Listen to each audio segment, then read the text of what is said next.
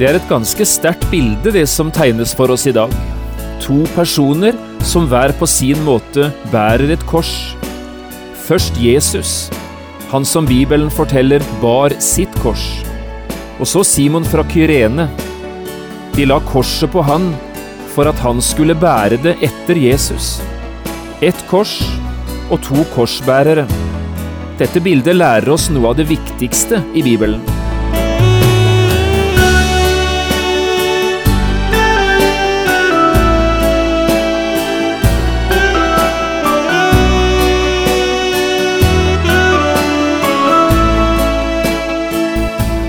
Hjertelig velkommen til et nytt program i serien Vindu mot livet.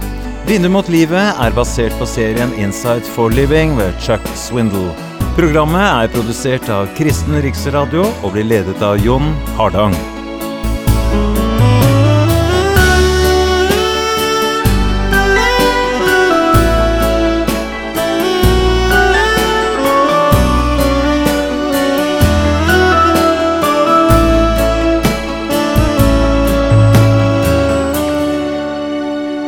Det var ikke mange som hjalp Jesus da han gikk lidelsens vei. De fleste var bare med og gjorde lidelsene verre, slik at veien til korset ble enda tyngre å gå for Jesus. Og de som kunne ha hjulpet, de sviktet han. De tenkte mer på seg selv enn på Frelseren. Men det er ett unntak. Det var en som virkelig hjalp Jesus, Simon fra Kyrene. Denne mannen er nevnt i alle de tre første evangeliene, men de bruker bare ett vers på Simon, både Matteus, Markus og Lukas, og Johannes nevner han ikke i det hele tatt. Nå har jeg lyst vi skal lese disse tre versene sammen, og jeg har kalt dagens program Simon fra Kyrene. Først Matteus 27, vers 32. Mens de var på vei ut, møtte de en mann fra Kyrene som het Simon. Ham tvang de til å bære hans kors. Og i Markus 15, 21 står det slik.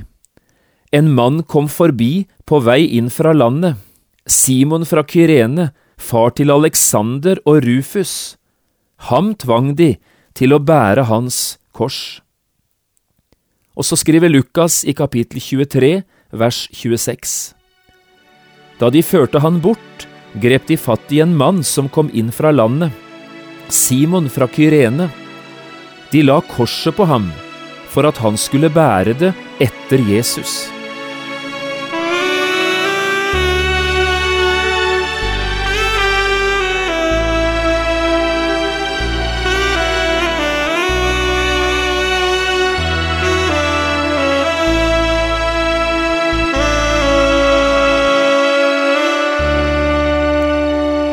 Alle kommer de med palmegrene, men hvem vil være Simon fra Kyrene? Det er den danske ungdomspresten Olfert Rikard som skriver disse to setningene i en av sine påskesalmer.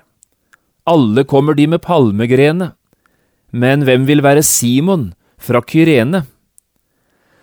På denne måten forsøker den danske presten å si, det er lett å bruke store ord og la seg rive med i begeistringsrus når det ikke koster noe å ha med Jesus å gjøre.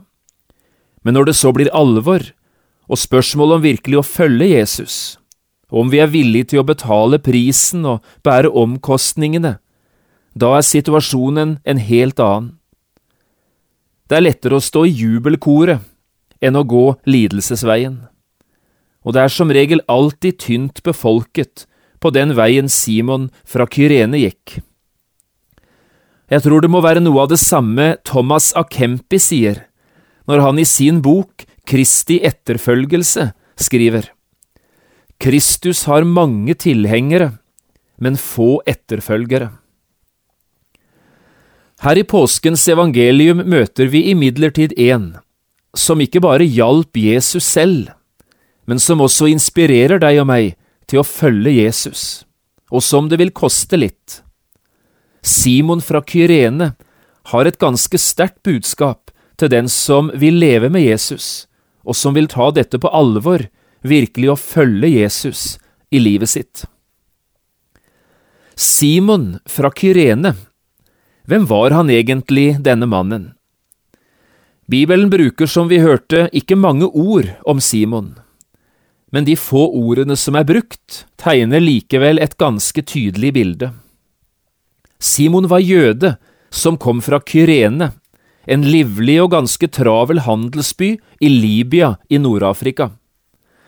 Her hadde det helt siden Alexander den stores tid, altså i mer enn 300 år, bodd en ganske stor jødisk koloni.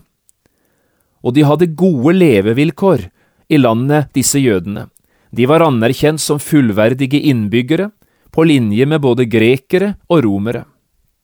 Simon har nok kommet fra en slik jødisk familie, som hadde vært bosatt i Nord-Afrika.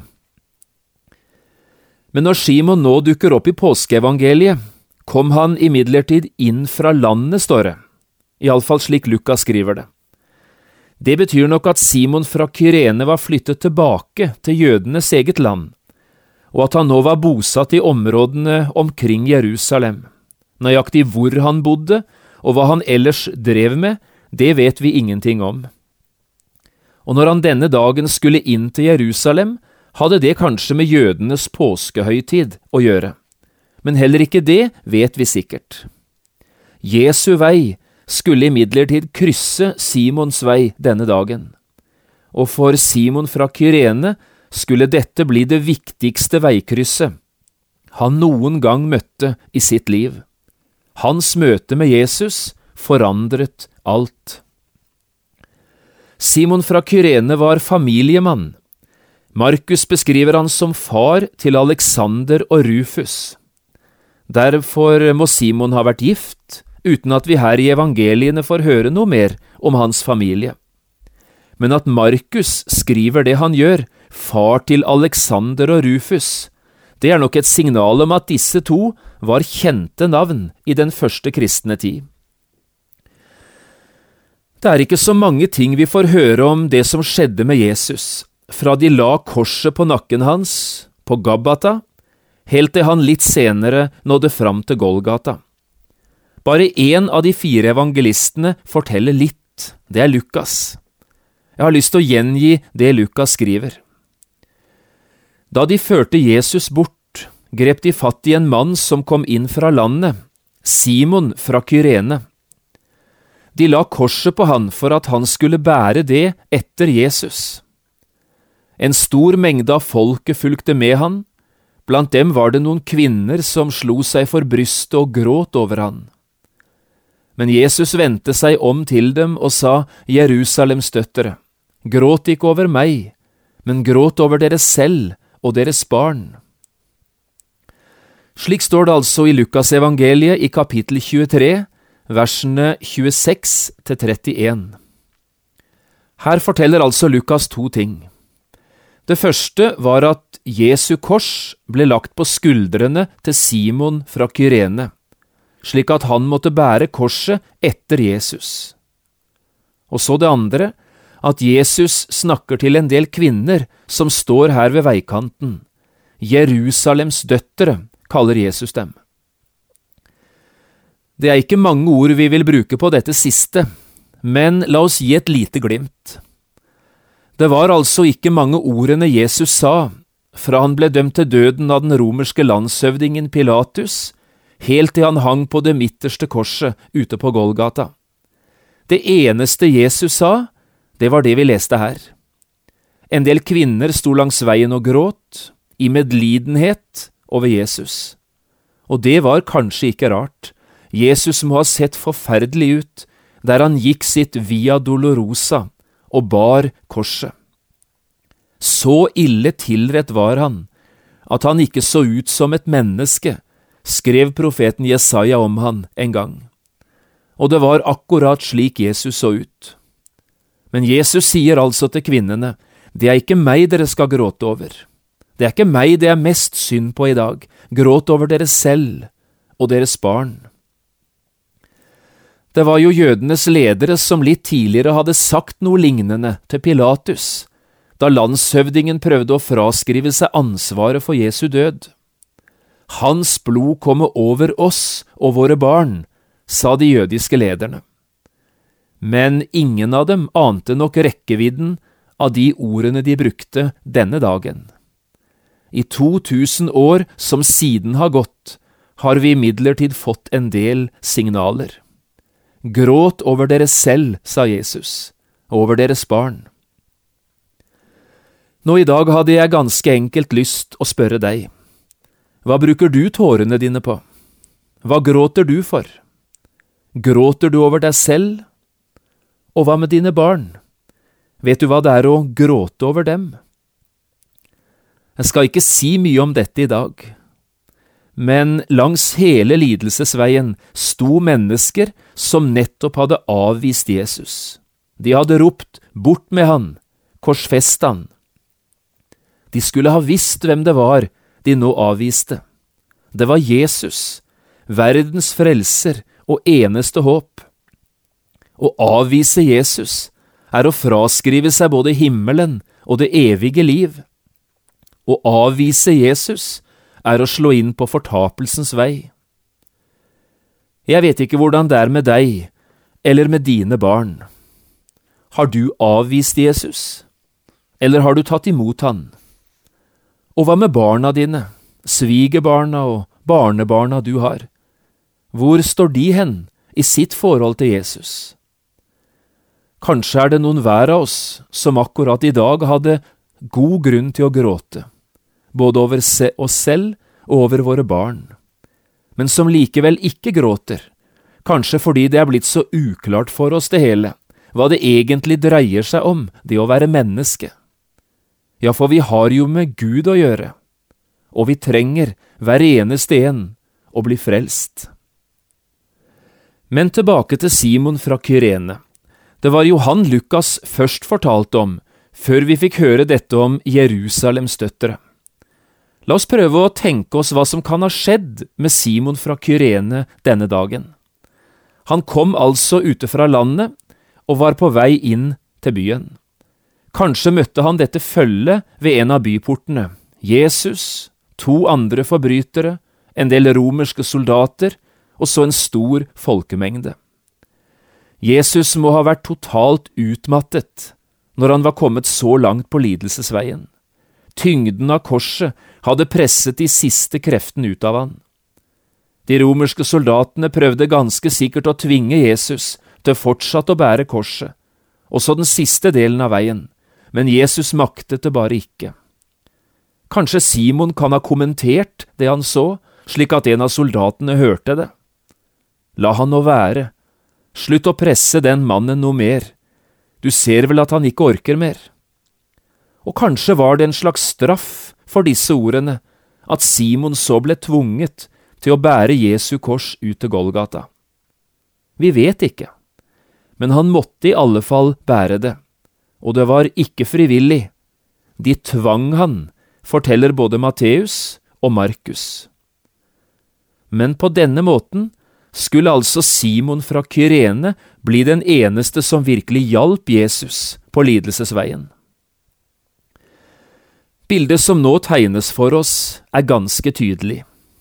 Det er to personer som bærer ett kors ut til Golgata denne dagen. Først bar Jesus. Om han sier Bibelen han bar sitt kors. Og så kommer Simon fra Kyrene inn i bildet. Det var han Lukas sa det om, de la korset på han for at han skulle bære det etter Jesus. Ett kors og to korsbærere. To personer som hver på sin måte kjente tyngden av korset. Og nettopp dette bildet, av de to korsbærerne, først av Jesus og så av Simon, det lærer oss noe av det viktigste i hele Bibelen. Bare hør nå. Jesus bærer stedfortrederens kors. Det korset Jesus bar i stedet for Barabbas og i stedet for deg og meg. Her ser jeg bildet av han som bar all verdens synd på sine skuldre, og som nå var på vei til å skulle betale for hele din og min syndegjeld. Ingen andre enn Jesus kunne bære korset på denne måten, og ingen andre enn han skal gjøre det. Simon fra Kyrene derimot, han bærer etterfølgerens kors, det korset alle må bære som vil følge Jesus her på jord. Korsets vei forteller om de viktigste tingene for en kristen å tenke på, om han nå vil følge Jesus etter. For denne etterfølgelsens vei, det er lydighetens vei, det er dødens vei, og det er smertenes og vanærens vei. Men etterfølgelsens vei er også livets vei, ærens vei, og den eneste rette veien å gå for den som vil være en kristen. Og dette etterfølgerens kors, det kan ikke Jesus bære for oss. Det må du og jeg bære selv. På denne måten blir Simon fra Kyrene et forbilde for alle den som vil gjøre alvor av det å leve som kristen i verden. Han er et eksempel til etterfølgelse for den som vil følge Jesus. Kanskje husker du at Jesus en gang snakket om disse to korsene, både stedfortrederens kors og etterfølgerens kors. Det var da han var sammen med sine disipler oppe ved Cesarea Filippi. Matteus forteller oss om dette i den andre delen av kapittel 16 i sitt evangelium. Først står det om Jesus i vers 21. Fra den tid begynte Jesus å gjøre det klart for sine disipler at han måtte dra til Jerusalem, at han skulle lide meget av de eldste og ypperste prestene og de skriftlærde, at han skulle bli slått i hjel, og at han skulle oppstå på den tredje dagen. Her taler Jesus om seg selv, om sin lidelsesvei, og om at han snart skulle bære stedfortrederens kors. Men bare to–tre vers lenger ned, så forteller Jesus om etterfølgerens kors. Der står det slik, vers 24–26. Da sa Jesus til sine disipler, Om noen vil komme etter meg, da må han fornekte seg selv ta sitt kors opp og følge meg. For den som vil berge sitt liv, skal miste det, men den som mister sitt liv for min skyld, skal finne det. For hva gagner det et menneske om han vinner hele verden, men tar skade på sin sjel? Eller hva kan et menneske gi til vederlag for sin sjel? Dette er sterke og ganske utfordrende ord. Vi ser litt av hva det innebærer og betyr, det Jesus snakker om, også når vi ser Simon fra Kyrene bære korset etter Jesus. Simon ble tvunget til å bære korset, og det var romerske soldater som tvang han. Gud tvinger ingen. Det er ingen av oss som blir tvunget til å gå frelsens vei, etterfølgelsens vei. Det er ingen som tvinges inn på himmelveien, vi må velge det selv. Om noen vil, sa Jesus her. Dette er altså en frivillig sak. Mennesker prøver ofte å tvinge oss, både til det ene og til det andre, men aldri Gud. Han tvinger ingen. Hva med deg som hører nå, følger du Jesus? Vil du bære korset, ditt kors, etter Jesus? Eller går du en helt annen vei simpelthen fordi du ikke vil følge Mesteren fra Nasaret. Å bære dette korset etter Jesus, det betyr helt konkret flere ting. De gamle snakket ganske mye om dette, og de skilte mellom noe de kalte det ytre kors, og det de kalte det indre kors. Det er en genial måte å gjøre det på. Med det ytre kors mente de gamle, den forfølgelsen, den lidelsen og den trengselen som andre mennesker kan påføre oss, fordi vi vil være kristne, følge Jesus og høre Han til. Kristne til alle tider har måttet bære det korset, og mange bærer det tungt også i våre dager, mye mer enn vi kan forstå, vi som lever i et beskyttet og fredfullt Norge.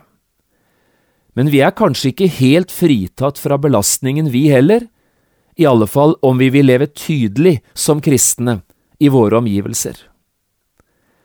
Med det indre kors snakket de gamle om to ting. Først den smerten som alle kristne kjenner til, med tanke på den vonde, syndige naturen som vi alltid bærer med oss i livet. En natur som aldri vil det Gud vil, som alltid ønsker å gå en annen vei enn Guds vei, og som vi alltid må kjempe imot og aldri vil bli kvitt så lenge vi er her i verden. Det handler om å bære korset. Og så talte de om den lidelsen Jesus kjente, med tanke på alle disse menneskene som enda ikke er frelst. Den smerten, den lidelsen, vil også de som følger Jesus, bli lukket inn i. Jesus gråt ikke én tåre over seg selv, i selvmedlidenhet, på sin vei til Golgata. Men eh, den Jesus som aldri gråt over seg selv, sto noen dager tidligere og gråt over Jerusalem, og over det folk som ikke forsto sitt eget beste, og som derfor ikke omvendte seg til Gud. Jerusalem, Jerusalem, sa Jesus, og så gråt han. Kanskje dette er litt å tenke på når vi nå hører om Simon fra Kyrene. Bærer jeg korset etter Jesus, slik Simon fra Kyrene gjorde det, og slik Jesus taler om det? Eller er jeg en selvopptatt og nytelsessyk kristen, som skyr alt det som heter lidelser, belastninger og smerte, i det livet jeg lever i hverdagen? Det er sannelig litt å tenke på, både for deg og for meg i dag. Helt til slutt. Simon fra Kyrene var faren, han var pappaen som bar korset etter Jesus. Hvordan gikk det med Simon og med familien hans? På pinsedag var det, forteller apostelgjerningene, blant disse 3000 menneskene som ble frelst, også noen fra Kyrene. Kanskje var Simon en av dem? Og i Romerne 16,13 står det Hils Rufus, den utvalgte i Herren, og hans og min mor. Ting tyder på at dette er Simon fra Kyrenes familie. Kona hans og en av sønnene nevnes helt konkret, som aktive og viktige medarbeidere for evangeliet i denne første kristne tid. Men mye av dette ligger i det usikre. Én ting er imidlertid sikkert. Det er ingen som har båret korset etter Jesus forgjeves. Det er alltid gode frukter å høste etter slike som bærer korset etter Mesteren. Og ikke minst er det viktig at fedre gjør det, både for sin families del og med tanke på det kristne fellesskapet. Dette er utfordringen til deg og meg i dag. Alle kommer de med palmegrene, men hvem vil være Simon fra Kyrene?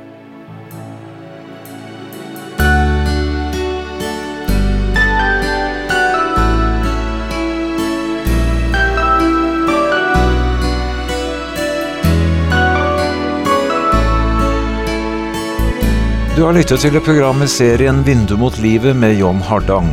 Programmene i denne serien kan også kjøpes på CD fra Kristen Riksradio, eller høres på internett på p7.no. Har du spørsmål eller kommentarer til det du nå har hørt, kan du ta kontakt med oss. Adressen er Kristen Riksradio, Skiene 2, 5353 Straume. Eller send en e-post vml alfakrøll p7.no. Takk for i dag, og på gjenhør.